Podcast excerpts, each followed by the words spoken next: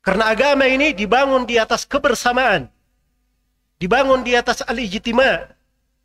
Wa atasimu bihablillahi jami'an wa la tafarraqu. Berpegang teguhlah kalian semua dengan tali Allah dan jangan kalian bercerai-berai. Wadkuru ni'matallahi alaikum id kuntum a'daan fa'allafa baina qulubikum fa asbahtum bi ni'matihi ikhwana. Dan ingatlah nikmat Allah atas kalian di mana dahulu kalian itu bermusuh-musuhan. Ya. Lalu Allah mendamaikan hati-hati kalian. Ya. Maka kalian pun berubah menjadi orang-orang yang bersaudara.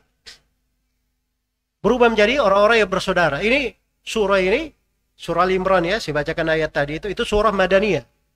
Itu disebutkan nikmat terhadap kaum muslimin di kota Madinah. Mereka itu sebelum Nabi datang sallallahu alaihi wasallam mereka kerjanya perang saja. Selalu berperang. Iya, tapi setelah datang Rasulullah SAW membawa Islam, agama yang benar, mereka pun menjadi orang-orang yang bersaudara.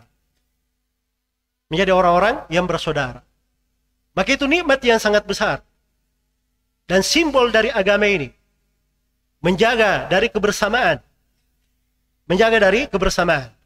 Karena itu telah datang di dalam syariat kita perintah-perintah besar di dalam hal tersebut. Bahkan perpecahan itu itu dicela di seluruh agama. Syara'a lakum minad dini ma wassa bihi Nuha wa ma auhayna ilaika wa ma wassayna bihi Ibrahim wa Musa wa Isa an aqimud din wa la tatafarraqu fi. Allah telah syariatkan untuk kalian agama. Apa yang kami wasiatkan kepada Nabi Nuh, apa yang kami wahyukan kepada engkau Nabi Muhammad dan apa yang kami wasiatkan kepada Nabi Musa, Nabi Nabi Ibrahim, Nabi Musa dan Nabi Isa. Ini lima ulul azmi, wakilnya seluruh nabi dan rasul sebab lima ini yang paling utama. Apa wasiat Allah kepada para rasul? Hendaknya kalian menegakkan agama dan jangan kalian berpecah belah. Jangan kalian berpecah belah.